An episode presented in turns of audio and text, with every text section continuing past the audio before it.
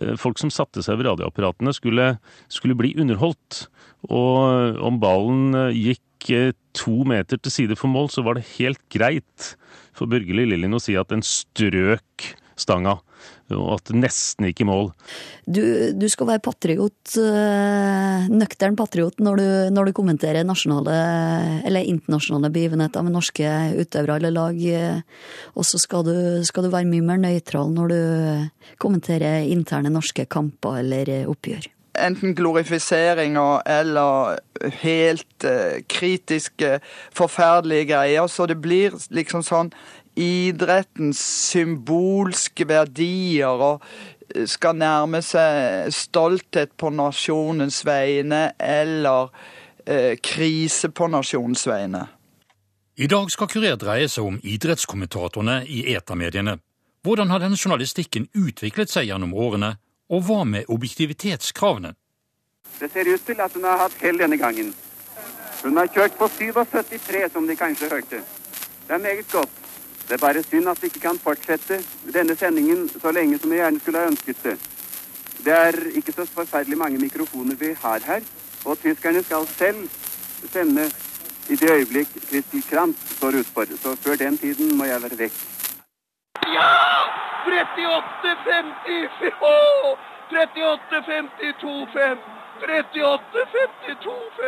38-52-5! 38-52-5! 38-52-5!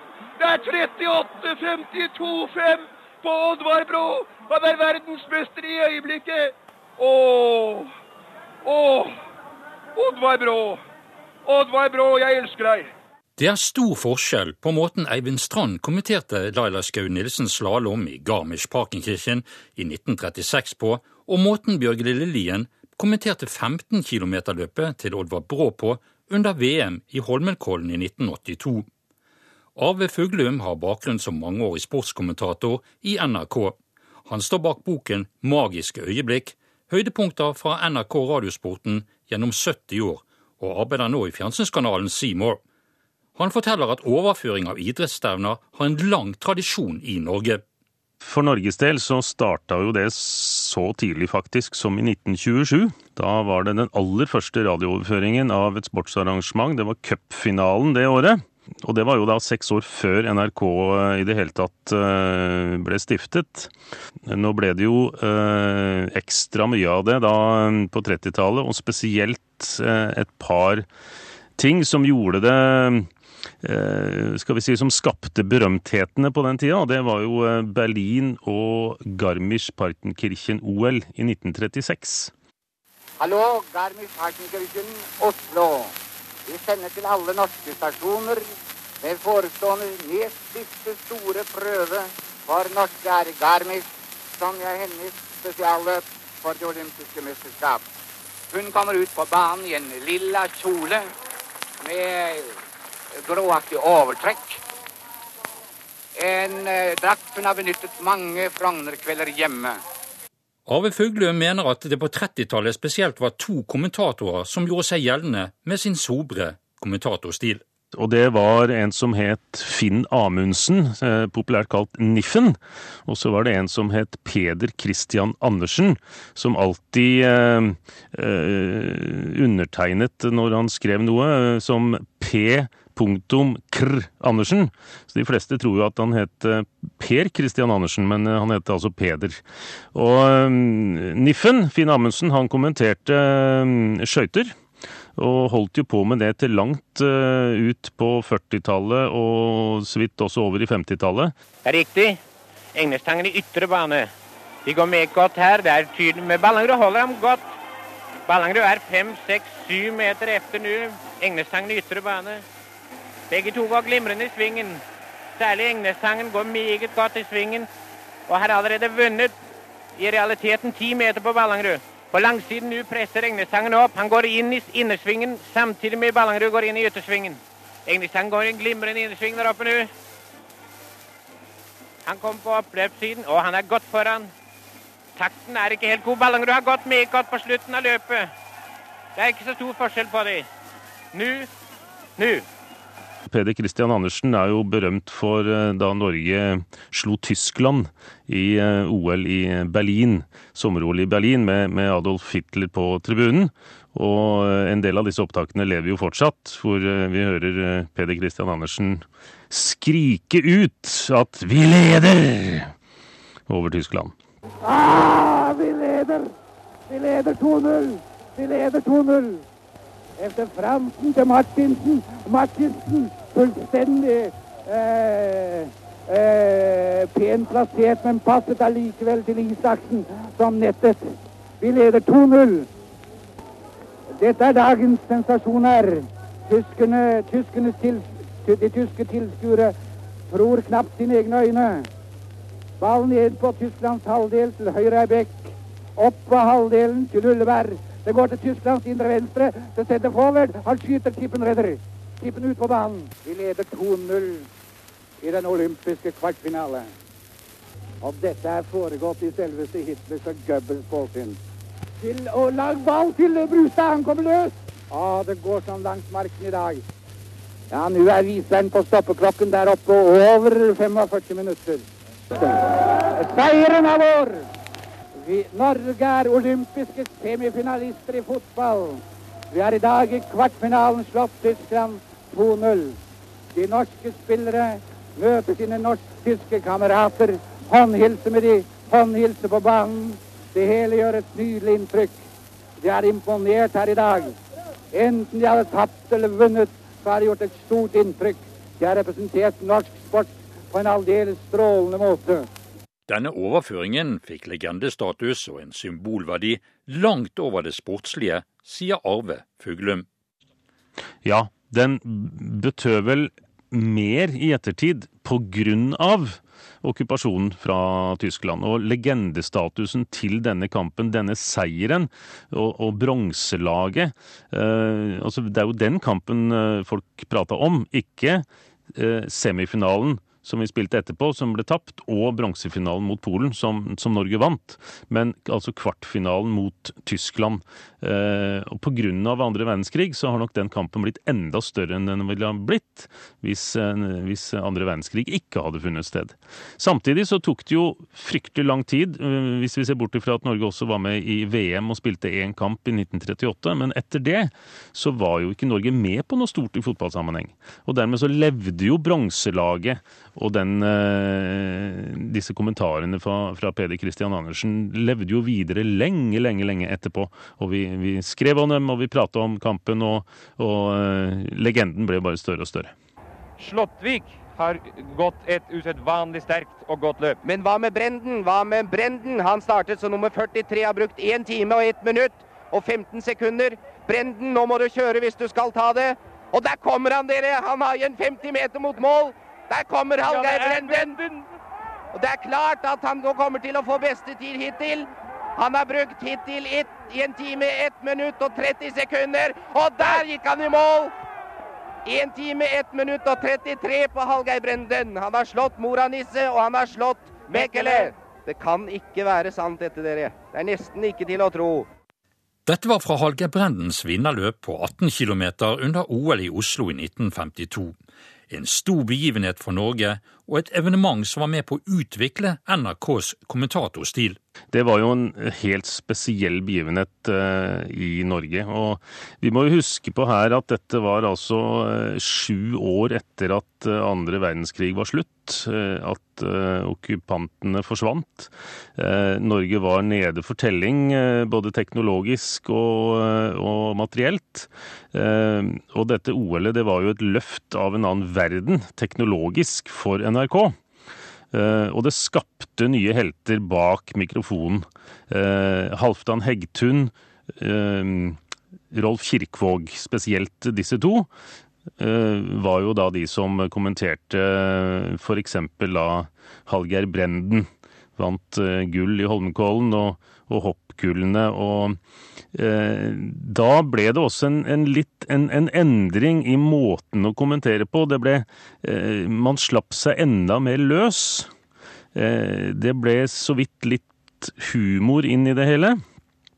Selv om det selvfølgelig også var eh, vekt på det som skulle være, altså saklighet og, eh, og dybde. Og informasjonsplikten var like viktig da som den hadde vært før, og som den forhåpentligvis fortsatt er. Eh, men, men det, det, det, skapte et slags eh, skille, og det skapte nye helter som eh, da levde i, i radioen lenge etter at OL var ferdig, og, og lenge etter at de som holdt på med det, hadde gitt seg med sportskommentering. Så beveger vi oss inn på 60-tallet, og da kom fjernsynet. Hva gjorde det med rapporteringen? Ja, Det var to ting som skjedde da. Én ting at fjernsynet kom. En annen ting var at Bjørge Lillelien kom. Dommeren reagerer ikke. Lang engelsk ball utover. England i angrep fra høyre. Dommeren legger til og legger til og legger til. Det går mot engelsk statsborgerskap.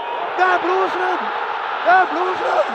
Norge har slått England 2-1 i fotball. Vi er best i verden. Vi er best i verden. Vi har slått England 2-1 i fotball. Det er aldeles utrolig. Vi har slått England. England, kjempers fødeland. Lord Nelson Lord Beaverbrook, Sir Winston Churchill, Sir Anthony Eden, Clement Attlee, Henry Cooper, Lady Diana. Vi har slått dem alle sammen. Vi har slått dem alle sammen. Maggie Thatcher, can you hear me? Maggie Thatcher, jeg har et budskap til deg midt under valgkampen. Vi har et budskap til deg. Vi har slått England ut av verdensmesterskapet i fotball. Maggie Thatcher. Om de, som de sier på ditt språk, i boksebarene rundt Madison Square Garden i New York. Your boys took a hell of a beating. Your boys took a hell of a beating. Maggie Thatcher. Norge har slått England i fotball. Vi er best i verden. It's Norway 2, England 1. What a fabulous night for football. Vær så god, studio. Dette var Bjørge Lillelien i VM-kvalifiseringen mellom Norge og England på Ullevål stadion i 1981. En måte å kommentere på som har gitt ham flere internasjonale priser for å være den beste noen gang. Men tiden gikk, og kringkastingsmonopolet ble opphevet. Men det forandret ikke måten det ble kommentert på, sier Arve Fuglum. Eh, Bjørge Lillelien han skapte jo et markant skille Eh, etter hvert, kanskje ikke med en gang, men etter hvert eh, Han hadde en helt annen skole. Han hadde vært i USA og studerte litt hvordan man gjorde det der. Og hadde altså en tilnærmelse til sportskommenteringen som gikk på at man skulle underholde folk i mye større grad. Og den gangen så var det mulig. Du kunne ljuge litt. Du kunne overdrive en god del. Eh, og det var jo hans filosofi, at eh, folk som satte seg ved radioapparatene, skulle, skulle bli underholdt. Og om ballen eh, gikk to meter til side for mål, så var det helt greit for Børgeli Lillin å si at den strøk stanga, og at det nesten gikk i mål. Um, i dag så hadde man ikke sluppet unna med sånt. men, men, det kunne han gjøre. Eh, og så, som du sier, så kom jo TV samtidig, og, og sportsoverføringene ble jo en, ganske fort en viktig del av eh, tilbudet til NRK. Eh, I starten så var jo de aller fleste kommentatorene eh, De jobbet både litt i radio og litt i TV. Og, og, flere av de som da etter hvert ble TV-kommentatorer, hadde sin bakgrunn som radiokommentatorer. Rampen Phil Neal sparker Tommy over ende bakfra. Phil Gris Neal. Begynn å ta igjen, gutter. Begynn å ta igjen. Engelskmennene har ramp både på banen og på tribunen. Lund gikk forbi to engelskmenn. Phil Neal overfalt ham bakfra. For en gris! For en fotballramp Phil Neal her. Dette skal han ha igjen, gutter. Ta den ved første anledning. Dette var også Bjørg Lillelien fra Norge-Englandskampen i 1981, med en oppfordring som kanskje ikke ville ha gått i dag. Så hva med objektivitetskravene til sportskommentatorene, Arve Fuglum? Det er ikke nedfelt noe, men, eh, men, det er klart, hvis du skal kommentere, eh, som jeg gjør en del av, da, eh, fotballkamper hvor hvor det ikke er noe klart definert forhold til verken det ene eller det andre laget. Bortsett fra når vi kommenterer landskamper eller norske lag i europacuper, så skal det jo være objektiv. Og alt annet ville være en Feil å si forbrytelse, men, eh, men, eh, men det ville ikke hørt noe sted hjemme. Eh, Så kan du jo si at vi stadig vekk får beskjed fra seere at eh, vi faktisk ikke er objektive. Eh, Men det det kan jeg jo få beskjed om fra Hvis jeg kommenterer Liverpool mot Manchester United, så har jeg jo fått beskjed fra begge leire om at jeg holder med den laget. Og det må vel være da et slags tegn på at eh, du er ganske objektiv.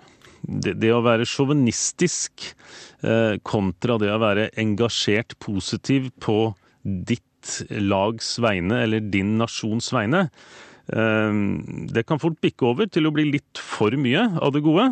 Og da er vi over på det som du kan kalle for sjåvinisme. Som, som ikke er like positivt eh, befengt som det å, å være positivt engasjert.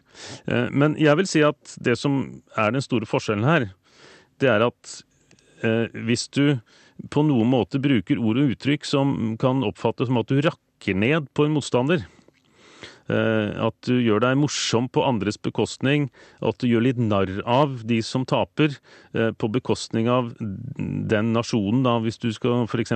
tenke OL eller VM, eh, altså på Norges eh, vegne, eh, så bikker det over i sjåvinisme, som, som ikke etter min mening er spesielt sjarmerende. Men hvis du greier samtidig da å beholde den respekten for motstanderen, at du er glad fordi, som kommentator, at du er glad eh, fordi Norge gjør det godt, eh, og at de er bedre enn de andre, uten å miste respekten for de andre som eh, også gjør en solid innsats i skispor eller på fotballbanen, eh, så mener jeg det er positivt engasjement og ikke sjåvinisme. Selv om kommentatorhelt nummer én gjennom alle tider, Bjørge Lillelien, tilsynelatende behersket alle situasjoner, hadde også han dårlige dager på jobben. Selv om lytterne ikke merket det. Dette er fra Holmenkollstafetten i 1969. Det gikk heldigvis ut som redigert opptak uten denne snutten. Faen, nå gikk starten. Alt sammen ødelagt. Nei, da får vi gi opp da, gutter. Fikk ikke starta klokker eller noen ting, bare for dette her. Faen også. Det er regulær skandale, altså. Nei, det, vi har ikke fått starta, hadde ikke fått gjort noe. Hadde ikke fått starta klokker engang. Faen òg. Aldri skal jeg lære dette her, altså. Jeg får ikke tatt starten, da. Nei, du må Ja, men jeg har ikke, har ikke tider engang, vet du. På klokker eller noen ting. Faen òg. Start med å ta rundetiden der borte. Ja. Å legge til. Jeg gir opp dette her, jeg, altså. Det er faen meg bare å gå hjem. Det som da skjedde med, med kommentatorrollen, var jo at du etter hvert eh, skapte to forskjellige måter å kommentere på. Eh, samtidig så hadde du Bjørge Lillelien på den ene sida, som utviklet radiokommenteringa. Eh, og så utviklet man sakte, men sikkert en egen måte å kommentere på som var tilpassa fjernsyn, hvor altså folk ser bildene. Man trengte ikke å skape dem. For eh, seerne ser jo det som kommentatoren ser, og da var det litt mer avdempet. Eh, man holdt eh, litt mer munn, rett og slett. Du kunne la bildene leve for seg sjøl. Og de fleste som har fulgt med på langrenn, har vel fått med seg dette helt spesielle bildet fra Holmenkollen i 1966. Da vi ventet på Gjermund Eggen. Og vi venter og venter og venter og venter Gjermund Eggen, og det er bare ett bilde. Det er av en trestamme og noen snøfiller, og så skjer det ingenting mer, annet enn at vi ser ei klokke, og så venter vi på Gjermund Eggen. Sammen med kommentatoren. Og, og eh, det ville jo aldri ha skjedd i dag, selvfølgelig, men tre-fire minutter med bilde av et tre og et eh, skispor hvor det ikke var noen skiløpere, og en klokke som gikk. Eh, du kunne nesten ikke få det mer spennende, og det var ikke nødvendig for kommentatoren å si så veldig mye mer enn å være nervøs og spent på seernes vegne. Og vi husker jo sist vi så dem at han lå bare ti meter bak Ole Ellefsæter. Så han eh, skulle jo få drag av Ole hvis han ikke har såpass stor fart at han passerte. Men kanskje de to kunne hjelpe hverandre. Og nå må han være der i løpet av et halvt minutt for å ha noen sjanse. Oi, oi. Så vidt jeg kan skjønne. Gjermund, hvor blir du? Vi venta på det sånn når stafetten gikk. Og da kom du tidsnok. Det håper vi du gjør nå, Gjermund. Nei, nå går det Og så fort som sekunda går da. Ennå ingen Gjermund å se. Ja, Nå må du være der hvert øyeblikk hvis du skal ha noen mulighet. Og de som står langs løypa må likevel hjelpe deg fram. Nei, nå må du komme. Og bevare meg vel så spennende dette er. Der kommer, Der kommer han, ja. Og sjansen er der. Sjansen er der. Altså, Gjermund kan greie det. Tida til Tiainen 3.03,15. Og han har vel to minutter på seg, men han må jammen jage på alt han kan for å greie det. Og det vet nok Gjermund. Det vet nok Gjermund. Og se som han går der oppe. Se som han går. Det er rene 15 km tempo det på Gjermund. Og jeg skal si det blitt jubel her når han nå ser utover hele folkemassen. Oi, oi, så fort som klokka går. Men Gjermund går også fort. Jo, du vil greie det, Gjermund. Ja, han greier det. Du må greie det. Og det gjør du. Se på klokka. Vi har regna med ca. 25 sekunder fra den brua og inn, og da ligger han 8-9 sekunder foran Tiainen i tid. Og Gjermund, da kommer du inn og vil greie ditt tredje verdensmesterskap. For en dag! Se på klokka. Han har 15 meter igjen. Gjermund, der var du inne! Gratulerer, Gjermund! Gerd von der Lippe er professor i idrettssosiologi ved Høgskolen i Bø.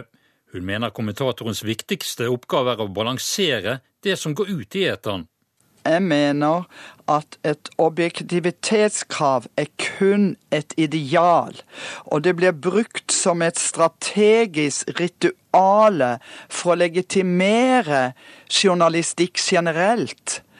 Eh, og når jeg tenker på objektivitet, så tenker man på f.eks. verdifrihet. Det som er viktig, det er jo at journalisten har god peiling og balanserer. Og det er jo ikke, hva skal jeg si, eh, eh, helt vanlig hvis man da tar sportsjournalistikken, hvor eh, 40% av sportsjournalistikken i den undersøkelsen fra 2011 har bare én kilde. Og eh, derfor så blir det veldig mye sånn eh, enten glorifiseringer eller uh, helt uh, kritiske, forferdelige greier. Så det blir liksom sånn idrettens symbolske verdier og skal nærme seg stolthet på nasjonens vegne eller uh, krise på nasjonens vegne. Det er mye følelser. Gøril Kringen er en av våre mest meritterte kvinnelige fotballspillere og har vært med å vinne flere seriemesterskap og seire i cupen. Samtidig har hun mange landskamper. I dag er hun trener for U21-landslaget og assistenttrener for Ranheims herrelag. Hun setter mest pris på den lavmælte, konstruktive kommentatoren. Nei, eh, som, eh, som utøver eller trener sjøl, så, så er det jo utgangspunktet sånn eh, Altså, du liker jo fagmann, eller fagdama, eh, best fordi at eh, du liker å høre, høre de refleksjonene de har i forhold til det. Men samtidig så, så er det klart at når det, er, når det er type landskamper, når det er type Champions League og sånne ting, så, så vil du jo også ha entusiasmen. Så jeg tenker at uh, du, du, skal være patriot, uh, nøktern patriot, når du, når du, kommenterer nasjonale eller internasjonale begivenheter med norske utøvere eller lag. Og så skal skal du være mye mer nøytral når du kommenterer interne norske kamper eller oppgjør. For, for, publikum så er jo idrett veldig knyttet opp mot følelser. Det er det. Og de setter jo kanskje da også pris på, på entusiastiske kommentatorer? Ja da, jeg, jeg tror det. Så det, det handler om å, om å, finne den balansen, og det handler vel for, for kommentatorer for, som for andre yrkesgrupper om å finne sin egen stil og finne det som, som fungerer. Men, men, en viss grad av faglighet, det tror, jeg, det tror jeg de aller, aller fleste setter pris på. Vi avslutter denne ukes kurer med en snutt fra OL i Salt Lake City i 2002. Det er finale i curling herrer mellom Norge og Canada i en idrett de færreste her til lands kjente til før dette mesterskapet. Kommentatorer er Ave Fuglum og Øystein Ingdal. Og De vil nok komme til å prøve å svinge den rundt og inn i boet. Det skal være en grei oppgave for en så rutinert skip som Kevin Martin. Så er Stein på vei. Ja, de ser foreløpig fornøyde ut med den. Ja, så er det litt febrilsk posting her nå, da. Ja. Den uh, er den god den nok? Er hard, vel? Den er bra nok, og Canada ja, vinner gull, eller gjør de det? Nei, det ikke! Norge vinner! Norge vinner gull! Norge vinner OL-medaljen! I Steinen var ikke bra nok satt av Kevin Martin. Og den skled så vidt det var borti. Og det er bare snakk om en centimeter eller to. Norge har tatt gullmedalje i curling under disse olympiske lekene. Vi er olympiske mestere også i curling. Pål Trulsen, Lars Vågberg, Flemming Davanger og Bent Ånund Ramsfjell. Og ute på curlingbanen nå så står de norske spillerne. De klemmer hverandre. De er så ufattelig glad for at dette gikk riktig vei. Og du verden for et nervepress Kevin Martin hadde på denne siste stein. For en fantastisk spennende finale. Det sto altså 5-5 helt til den tiende og avgjørende omgangen, hvor Norge vinner 1-0. Og dermed så står det altså 6 til Norge og 5 til Norge totalt. Til Canada, mener du, ja?